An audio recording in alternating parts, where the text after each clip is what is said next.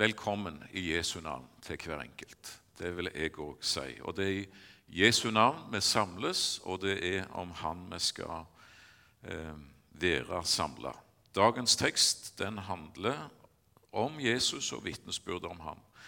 Den leser vi i eh, Johannes evangelium kapittel 1 og fra vers 35 til og med vers 51 i Jesu navn. Dagen etter, ja, vers 35 Dagen etter sto Johannes der igjen og to av hans disipler. Da han fikk se Jesus som kom gående, sa han, Se der, Guds lam. De to disiplene hørte det han sa, de fulgte etter Jesus. Jesus vendte seg og så at de fulgte etter ham. Han sier til dem, Hva søker dere? De sa til ham, Rabbi, det betyr mester, hvor er ditt herberge? Han sier til dem, Kom og se. De kom da og så hvor han hadde sitt herberge, og de ble hos ham den dagen. Det var omkring den tiende time. Andreas, Simon Peters bror, var en av de to som hørte det Johannes sa, og som fulgte etter Jesus. Han finner først sin egen bror Simon og sier til ham, 'Vi har funnet Messias.' Det betyr Kristus. Og han førte ham til Jesus. Jesus så på ham og sa, 'Du er Simon, Johannes' sønn. Du skal kalles Kefas.' Det betyr Peter. Dagen etter ville han dra til Galilea. Han finner Philip, og Jesus sier til ham, 'Følg meg.' Philip var fra Betzaida, fra Andreas og Peters by. Philip finner Natanael og sier til ham, 'Ham som Moses har skrevet om i loven, og som profeten har skrevet om, ham har vi funnet.' Jesus, Josefs sønn fra Nasaret. Nathanael sa til ham, 'Kan det komme noe godt fra Nasaret?' Philip sa til ham, 'Kom og se.' Jesus så Nathanael komme mot seg, og han sa om ham, 'Se, det er en ekte israelitt, en som det ikke er svik i.' Nathanael sa til ham, 'Hvor kjenner du meg fra?' Jesus svarte og sa til ham, 'Før Philip kalte deg, mens du var under fikentreet, så jeg deg.' Nathanael svarte ham, 'Rabbi, du er Guds sønn, du er Israels konge.' Jesus svarte og sa til ham, Tror du fordi jeg sa til deg at jeg så deg under fikentreet, du skal få se større ting enn dette? Og han sa til ham, Sannelig, sannelig, sier jeg dere, dere skal se himmelen åpnet, og Guds engler stiger opp og stiger ned over menneskesønnen. La oss be. Herre Jesus, takk eh, for ditt nærvær, takk for ditt ord. Takk for at du innbyr oss til samfunn med deg, Jesus. Og Jesus, åpner du mitt øye, så jeg kan se hvor rik jeg er. Takk for dine løfter, Jesus, for det vi får eie og ha i deg. Og vi ber om at vi kunne få lære å regne med dine løfter. Takk at du står ved ditt ord og i denne stund. Herre, tal til oss. Eh, vi ber om det i ditt navn. Amen. Ja, dette avsnittet her, det handler jo om kraften, egentlig, i det enkle, personlige vitnesbyrdet om Jesus. Og Det er klart det er mange ting vi kunne stoppa ved i teksten, så en må, en må, gjøre et utvalg. Men jeg har tenkt litt på denne, denne fine sammenhengen, der vi ser hvordan Guds rike vokste, og hvordan det vokser òg den dag i dag. Eh, vi møter flere mennesker her, og teksten begynner jo i en sammenheng. Den begynner med disse ord 'Dagen etter sto Johannes der igjen'. Eh, dagen etter, hva da? Hva var dagen foran? Jo, dagen før.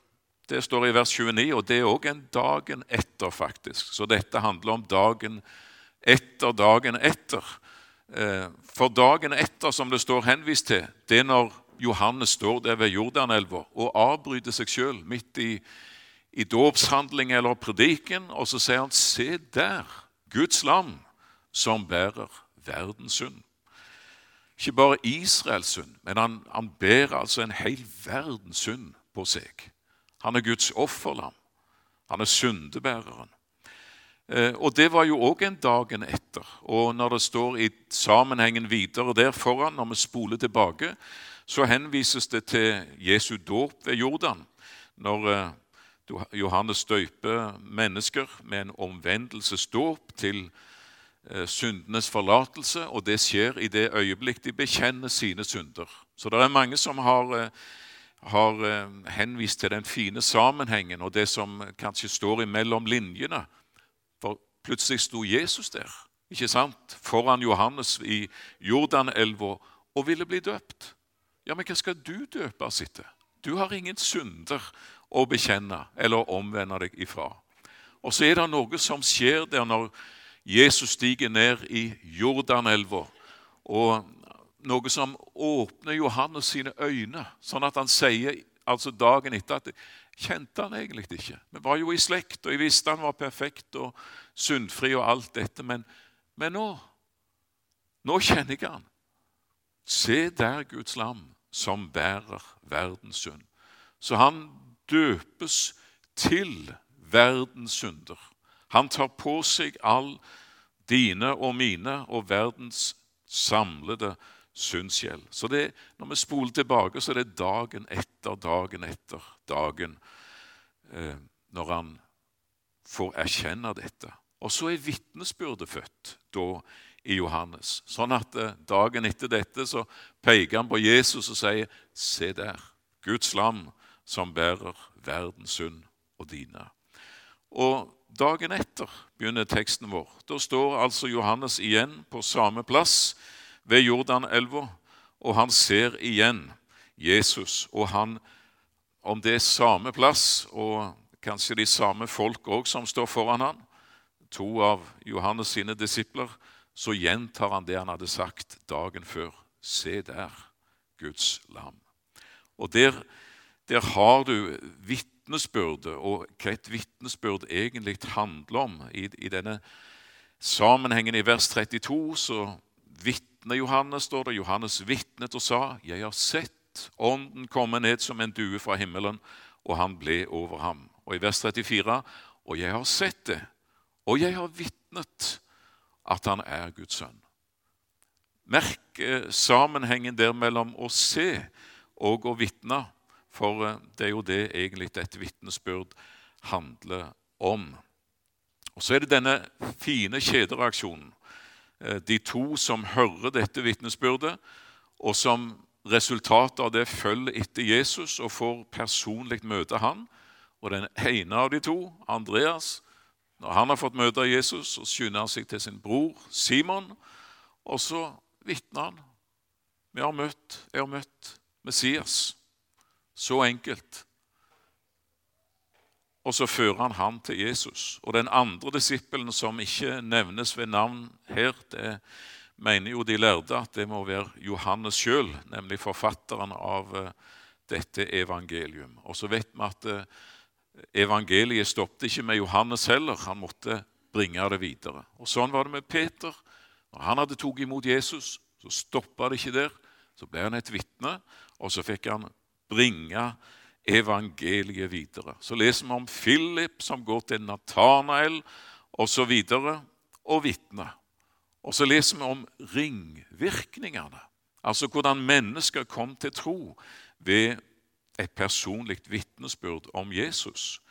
Og Når jeg har tenkt på denne teksten i dag og foran, så, så må jeg jo si at det er en veldig inspirerende, eh, en oppmuntrende tekst. Og Samtidig så blir jeg veldig skamfull når jeg leser det. For eh, eh, det er ikke så ofte jeg snakker med noen om Jesus som ikke hører han til. Det blir altfor sjelden. Det var mye oftere før i mitt liv at eh, en fikk snakke med mennesker om Jesus og avlegge et vitnesbyrd. Så kunne Jesus få bruke denne teksten til å minne meg, og det går kanskje, om, eh, ja, om kraften i det personlige og det enkle vitnesbyrdet. Vi leser her om en, en kjedereaksjon, mennesker som møter Jesus, og som bærer vitnesbyrdet videre. Og så er det stadig nye som får komme til tro. Jeg leste om en pastor som heter Charles Blair, husker jeg, for en del år siden, i, i Calvary Temple i Denver. En sen kveld, nesten natt, et fryktelig uvær ute. Det er vinter, og det, snøen laver ned, og det er fryktelig kaldt. Og det er ja, det er et vær å være innendørs i. Og det er kveld. Og han har lagt seg og pusset tenner sikkert, vil jeg anta, og tatt på push og alt dette. og Han har bredd dyna over seg. Og så får han denne uroen, denne minnelsen. Du skal ut. Du skal snakke med noen. Og kona hans hun sier at det er ingen som er ute på denne tida av døgnet. Og i dette været. Du kan bare glemme det. Jeg må ut. Og Så kler han på seg, og så eh, kjører han til sentrum der i byen. og Folketomme gater, ingen mennesker som er ute. Ingen. Jeg kan visst bare snu og kjøre hjem. Passerer en kafé, der er det lys. Han stopper, ruller inn til sida, og så ser han at det er en enslig gjest der i denne, denne fremdeles åpne kafeen. En mann som sitter der ved et bord. Og Charles Blair han, han går inn, han bestiller en kopp med te, og han eh, går bort til denne mannen og spør kan jeg få lov til å sitte ned.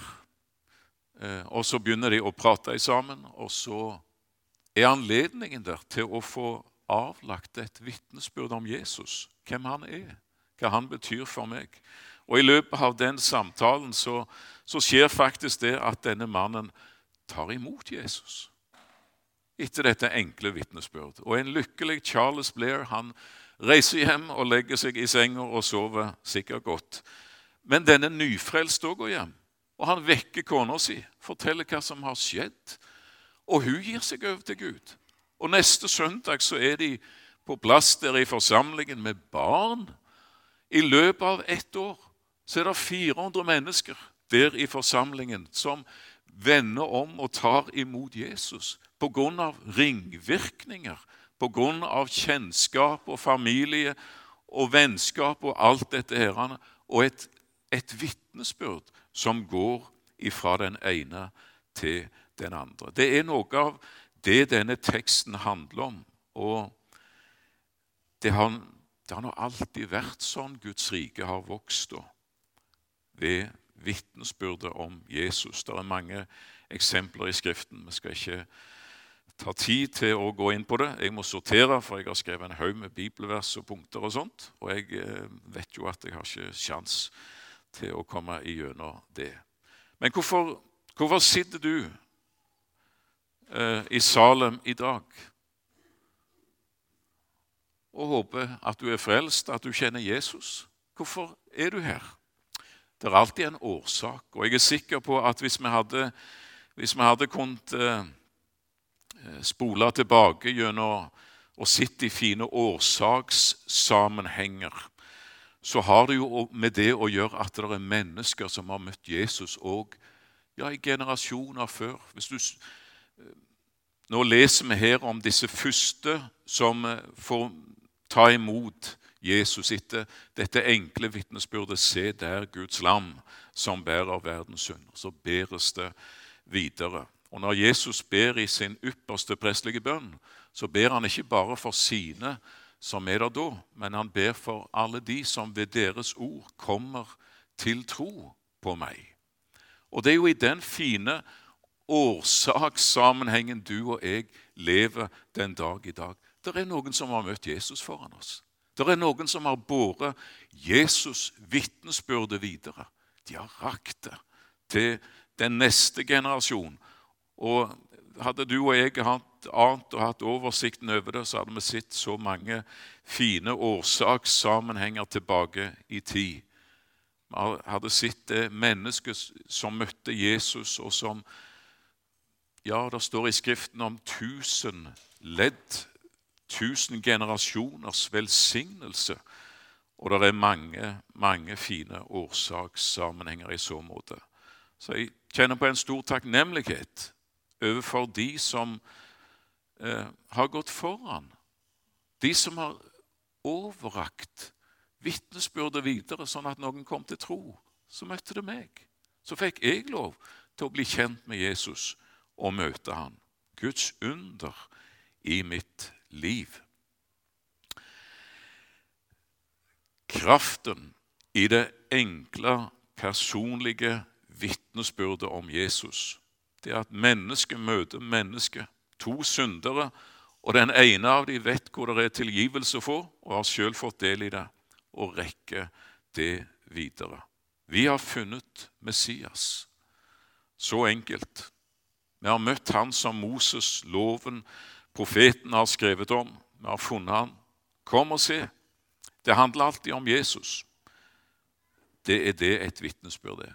Så kan du spørre hva, hva, hva er et vitnesbyrd, da? Hvis du går til det ordet som står der eh, på grunnteksten, så leser vi det at eh, i utgangspunktet er et vitne, eller et vitnesbyrd, er et juridisk ord. Det er henta fra rettssalen. Eh, det gjelder både det hebraiske ord og det greske ord for det. Vi er altså rykka inn i rettssalen. Og Hvis du ser den scenen for deg, en rettssal Du er inne i et sånt lokale, og du ser rundt deg, og du tenker gjerne hvem er egentlig nøkkelpersonen her i, i det som nå skal skje, i denne rettssaken som er under forberedelse. Kanskje faller dine øyne på den myndige dommer som sitter der oppe i egen eh, opphøya posisjon. Han har makt. Ja, han er en viktig person. Men så glir blikket ditt videre til den skarpskodde anklager i saken, som kjenner loven ut og inn og eh, vet alle ting og er meget intelligent og alt dette her. Ja, det er en viktig person. Så glir blikket ditt videre til forsvarsadvokaten, veltalende. Ufattelig hva, hva han kan få ut av en sak. Eh, er imponerende. Ja visst. Ja, det er en viktig person. Juryen ser du, tiltalte som sitter der på tiltalebenken. Men eh, hva tid er det egentlig i rettssalen eh, og rettssaken at det blir veldig, veldig stille? Hva tid er det du kan høre den berømte knappenåla falle? Er det ikke veldig ofte i det øyeblikket at det blir innkalt et vitne som tar plass i vitneboksen? Og du kan se på vedkommende og tenke det er ikke noe spesielt med den personen. Eh, hvorfor skulle han være så viktig? Hvorfor blir alt stille nå, og hele oppmerksomheten retter seg mot, mot han? Er det fordi han er så veltalende? Kan han lovene ut og inn? Nei, han står der, og han er hjelpeløs og på fremmed område, og han fomler og famler. Men han er altså den som har førstehåndskjennskap til saken. Han har sett, han har hørt. Det er han som var der når det skjedde. Og han skal egentlig ikke gjøre noe annet enn bare å fortelle det han så, og det han hørte. Han er ikke annenhånds eller tredjehånds eh, kilde til informasjonen. Kjenner noen som hørte noen som visstnok hadde sagt osv. Nei, han var der når det skjedde. Han så, han hørte. Og Han skal ikke legge seg opp i verken det ene eller det andre. Hans oppgave er meget enkel. Han skal avlegge sitt vitnesbyrd og fortelle hva han så og hva han hørte. Det er altså et vitne, eh, og det er det det handler om i teksten vår i dag. Mennesker som har møtt Jesus, og som veldig enkelt forteller Se der, Guds lam som bærer verdens synd. Vi har funnet Messias. Vi har møtt han som loven, profeten, skriftene eh, taler og skriver om. Dere er mine vitner, sier Herren. Han sier ikke at dere er mine forsvarsadvokater, eller dere er mitt aktorat. Ikke det som er vår oppgave. Men vår oppgave er å være vitner for Jesus. Johannes 15, vers 27. Også dere skal vitne. Og dere skal være mine vitner, står det i Apostelens gjerninger. Misjonsbefalingen der i Apostelens gjerninger 1. I Jerusalem, i Judea, Samaria, jordens ende. Dere skal være mine vitner. Forkynne det dere har sett, og det dere har hørt og fått hos meg.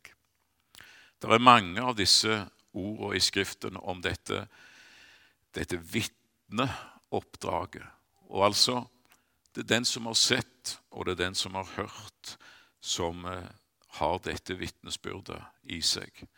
Og det er triumf i stemmen til Johannes, 1. Johannes brev, kapittel 1 og vers 1 osv. Eh, når han Ja, vi kan ta 2. Peter kanskje òg, når falt opp på det. 2. Peter 1 og vers 16. Det var ikke kløktig uttenkte eventyr vi fulgte da vi kunngjorde dere vår Herre Jesu Kristi makt og gjenkomst. Men vi hadde vært øyen, vitner til Hans storhet. Så gir de det videre. Så forkynner de Jesus. Og det samme her i 1. Johannes 1. Det som vi var fra begynnelsen, det som vi har hørt, det som vi har sett med våre øyne, det som vi betraktet og våre hender rørte ved, om livets ord. Og livet ble åpenbart, og vi har sett det og vitner og forkynner dere livet, det evige, som var hos Faderen og ble åpenbart for oss. Det som vi har sett og hørt, det forkynner vi for dere. Ja, men eh, jeg har jo aldri personlig i den forstand som disse fysisk sett Jesus. Har jeg noe å vitne om? Det er ikke mindre reelt, ikke mindre virkelig, ditt møte med Jesus. Ved Den hellige ånd. Og det at Jesus er her i dag, og er her for å ha samfunn med deg og med meg, det legger grunnlaget for vitnesbyrdet. Så er det veldig flott når eh, Johannes peker på Jesus, og Andreas går til Peter og peker på Jesus, og Philip går til Natanael. Så er det så enkelt. Det er så enkelt. Og så ser du hvordan det brer seg. Og jeg tror mange av oss vi kan fortelle at når vi spoler tilbake igjen, og begynnelsen til, til at du fikk lov til å ta imot Jesus, sånn vil jeg tro det er for mange av dere, det var det at det ble avlagt et vitnesbyrd.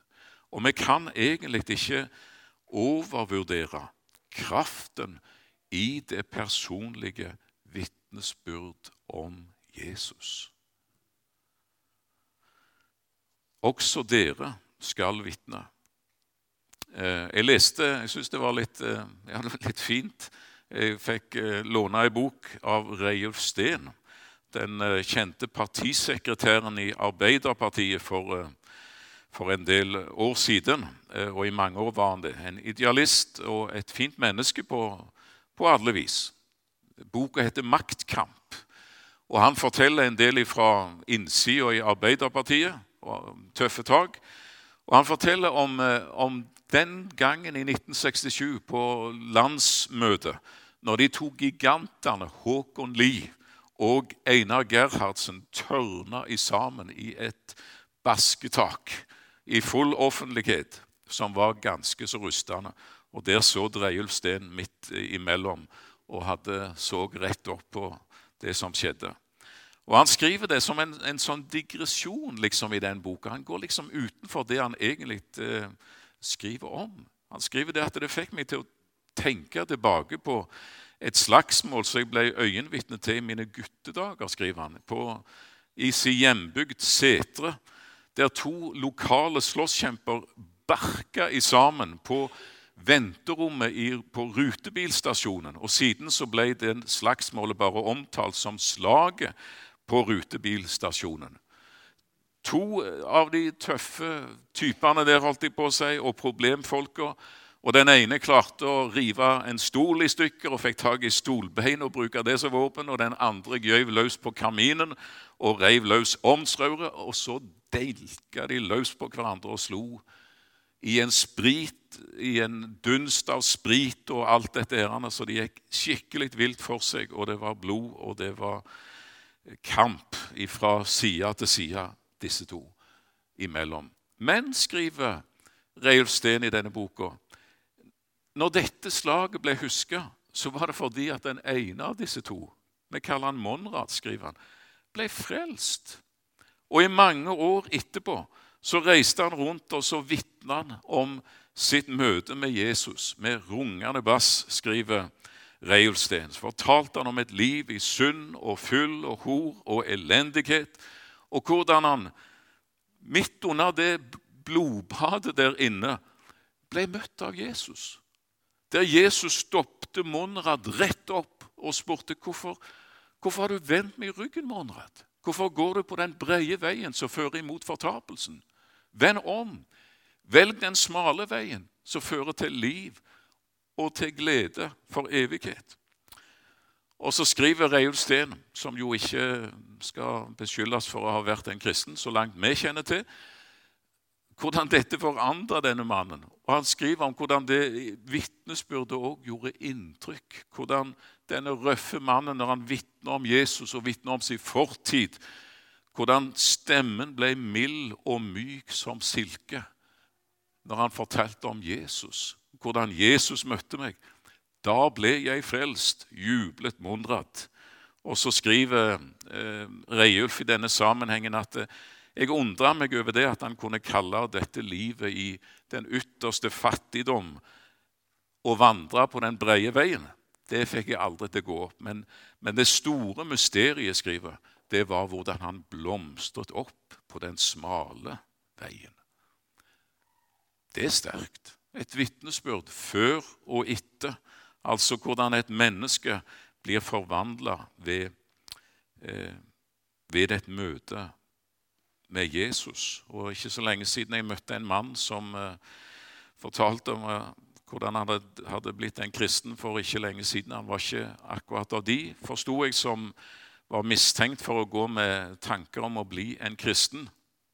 Men det, det gjorde han. Og han sa det at jeg, jeg bor ikke så langt ifra bedehuset, så jeg måtte kjøre forbi bedehuset daglig. Og det er ingen som ville tro det, sa han, av og til. Når jeg kjørte forbi og så mennesker der inne og så lyset. Da måtte jeg ta meg sammen for ikke å stanse bilen og kjøre en til sida. For jeg visste der skulle jeg ha vært. Og så denne merkelige uroen, da. Og så begynte han å sende ut noen sånne prøveballonger til mennesker han visste var kristne. Ingen som tok hintet. Og en av de sa etterpå hadde aldri tenkt at du gikk med sånne noen tanker. Aldri. Du var den siste. Så ble han frelst. Så ble han frelst. Og så kom han på jobb mandag morgen, og så kikker de litt rart på han der på kontoret. Hva er det som har skjedd med deg, er de som spør.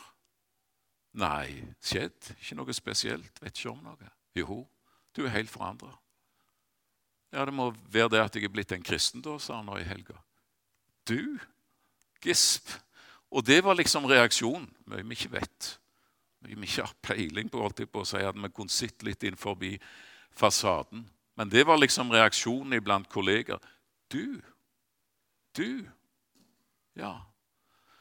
Før og etter. Eh, det står et flott vers, syns jeg, i første Peter. Vi må ha med, med det. Første Peter, vers 4. Vers 3. Det er nok at dere i den tid som er gått, har gjort hedningenes vilje ved å ferdes i skamløshet, lyster, drukkenhet, festing, drikkelag osv. Nå undrer de seg over at dere ikke løper med dem ut i den samme strøm av utskeielser, og derfor spotter de dere. Det er akkurat som dette bildet, eller ordet det maler liksom det bildet av oss, de som er ute og løper. Og målet er for det løpet det er å få med seg mest mulig av, av nytelse. Av eh, ja, skamløshet osv. sto det nå um, lista opp her. ei sånn liste. Så Det er det de løper etter. Og mens de er ute og løper etter det, så møter de plutselig på en person som kommer løpende i stikk motsatt retning. Og dette følget de stopper opp, og lederen han spør hvem, hvem var han? Var ikke det en av de som prøvde, pleide å, å løpe med oss? Jo, det var det, men det har skjedd noe med han. Ja, Hvor er det han skal nå? Hva er det han løper etter? Nei, nå jager han visst etter fred med alle og etter helliggjørelse. Snodig fyr. Merkelige ting. Han som pleide å løpe med, nå tvert motsatt retning. Ja, ja, vi får fortsette. Så løper de videre. Men de har fått noe å tenke på. Et et vitnesbyrd om et liv som er forvandla ved troen på Jesus. Og Nå er det ikke det det handler om, verken som denne herrene eh, slåsskjemper Monrad eller denne mannen som jeg nå heller fortalte om, som har levd et liv som var så annerledes. Det trenger ikke være så dramatisk. Men det har med det med at, at et menneske har møtt Jesus og lever med Jesus på en sånn en måte at det kan merkes. Han har noe, hun har noe. Og så er både livet og ord et vitnesbyrd. For det er jo en av de store punkter, egentlig. Det at eh, du har livets og munnens vitnesbyrd. Men nå snakker vi litt om, om munnens vitnesbyrd. Og det er en fin beretning som eh, illustrerer ganske klart for oss, syns jeg, kraften og hva et enkelt vitnesbyrd egentlig er. Johannes 9, der det står om den blindfødte ved Siloa. Han som møtte Jesus, personlig møtte, og som fikk synet igjen. Og folk de er forundra. Og det blir spurt er ikke det han som pleide å sitte og tigge. Jo, sier den ene. Nei, svarer den andre i teksten. Eh, det må være en som ligner. Så de spør han sjøl er det deg. Og han svarer glimrende ja, det er meg. sier han. Eh, altså, det har skjedd noe. Og så begynner spørsmålet å hagle der i Johannes evangelium kapittel 9. Hvordan? Hvor? Og det er ikke lenge før fariseernes undersøkelseskommisjon kommer susende. Og da brøyter det løs med spørsmål. Hva? Hvordan er dette? Hva gjorde han? Hvordan åpnet han dine øyne? Det hagler med spørsmål, men det er flere ganger det står i dette kapittelet 'Jeg vet ikke'. Og til slutt så går de til foreldrene og spør liksom de om dette. her, og sier vi vet ikke. Vi vet heller ikke, sier de. Spør ham. Skyver det liksom videre. Så går de tilbake igjen, fariserene, de skriftlærde, til denne blindfødte som nå ser, og så spør de hvem er denne mannen som har gjort dette. Er han en synder? Jeg vet ikke, svarer mannen igjen. Og det er som du kan ane frustrasjonen hos uh, disse fariseerne, denne undersøkelseskommisjonen. Vet du ingenting, du? Er du helt blank? Kan ikke svare på noe, og det du svarer, det, det er jo bare tull. Vet du ingenting? Jo, én ting, sier han. Ja, kom med det, da. Hva er det du vet? Jeg var blind. Nå ser jeg. Da tror jeg det ble stille et bitte lite øyeblikk før fariserene og gjengen fikk samla seg og gikk videre og skjelte ham ut, står der. Men det er noe der med det enkle, det personlige vitnesbyrdet om Jesus. Det vet jeg. Jeg har møtt han. Det er noe udiskutabelt ved et forvandla liv. Altså, Hva kan ikke verden diskutere når det gjelder kristendom? De kan diskutere Bibelens gyldighet og sannhet. De kan diskutere om det finnes en Gud. De kan le av jomfrufødselen. De kan betvile at Jesus har gått på vannet. De kan være uenige med bud og alt mulig. Men det er én ting de ikke kan diskutere, og det er et forvandla menneske et menneske som har møtt Jesus, og som er forvandla. Det er vitnesbyrdet. Livets vitnesbyrd og munnens vitnesbyrd. Og måtte du og jeg få leve eh, denne frelser så nær at eh, vi kunne bære det vitnesbyrdet videre. Har møtt Jesus. Det handler ikke om å vinne diskusjonene. Vitnesbyrd er veldig enkelt, det. Veldig enkelt. Men det er en enorm kraft i det personlige vitnesbyrdet om Han. Og Jeg syns det står veldig fint og veldig lavmælt, òg skal jeg snart slutte av. Men når Andreas går der til sin bror lavmælt og sier 'Vi har funnet Messias', vi har møtt Jesus, da Det er dette personlige. Det er det det handler om. Jeg kjenner Jesus. Jeg har møtt han. Han er min frelser. Jeg vet hvem han er. Han har tilgitt meg mine synder. Jeg får dag for dag lov til å leve i hans samfunn. Kjenne han. Ja, så kan verden diskutere alt det de vil om de mange ting. Men tenk om dette ordet her kunne òg være med å inspirere oss til å, til å være med å avlegge det vitnesbyrdet. For det, det, er, det er et guddommelig vitnesbyrd. Og 1. Johannes 3 ja, la oss 1. Johannes 5, der det står om de tre som vitner fra vers 6 og ut gjennom. Det er Ånden som vitner, og vannet og blodet som vitner. De er tre som vitner, står det i vers 7. Og disse tre samstemmer. Og tar vi imot menneskers vitnesbyrd, så er Guds vitnesbyrd som større.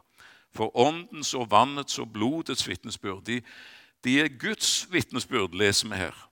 Og Guds vitnesbyrd er større enn menneskers vitnesbyrd. Dette er Guds vitnesbyrd. Han har vitnet om sin sønn. Den som tror på Guds sønn, har vitnesbyrdet i seg selv. Og På grunnteksten så står det litt mindre smidig. For det står nemlig 'den som tror på Guds sønn, har Guds vitnesbyrd i seg selv'. Og dette er vitnesbyrdet i vers 11, at Gud har gitt oss evig liv, og dette liv er i Hans Sønn. Dette Den som har Sønnen, har livet. Den som ikke har Guds sønn, har ikke livet. Dette har jeg skrevet til dere for at dere skal vite at dere har evig liv. Hvem er det som vitner det vitnesbyrdet? Jo, det er Gud som vitner. Gud peker på sin sønn og vitner om sønnen og sier at den som har sønnen, har livet. Men det er ikke bare Guds vitnesbyrd, men det er jo ditt vitnesbyrd. Der står du på den andre sida, så peker du på Jesus, og så vitner du den som har Sønnen, har livet. Og du tenker kanskje ikke noe annet enn at dette, dette er mitt vitnesbyrd. Ja, det er det. Men det vitnesbyrdet som du vitner, det er ikke bare ditt. Det er Guds vitnesbyrd. Gud og, og, du har funnet hverandre i Sønnen. Dere vitner det samme av vitnesbyrdet. Dere forstår hverandre taler samme hjertespråk, funnet hverandre i Sønnen. Og den som tror på Guds sønn, har Guds vitnesbyrd i seg selv. Det har frelst deg, altså troen på Jesus, men det ligger der òg altså som det som du og jeg skal få lov til å bringe videre. Så Derfor så kaller Paulus for eksempel, kaller evangeliet for mitt evangelium. Er det du som har funnet på det, Paulus? Nei. Det er Guds evangelium. Det er Kristi evangelium. Men det er òg mitt. Jeg har fått del i det, og jeg eier det, og det eier meg, sier Paulus. Ja vel, så har det fått føtter.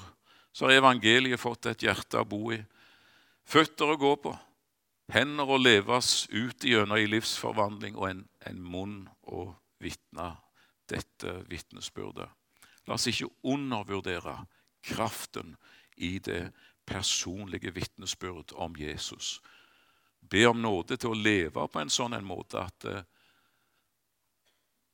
at Kristus kan være synlig, og lydighet til å bringe dette ordet videre.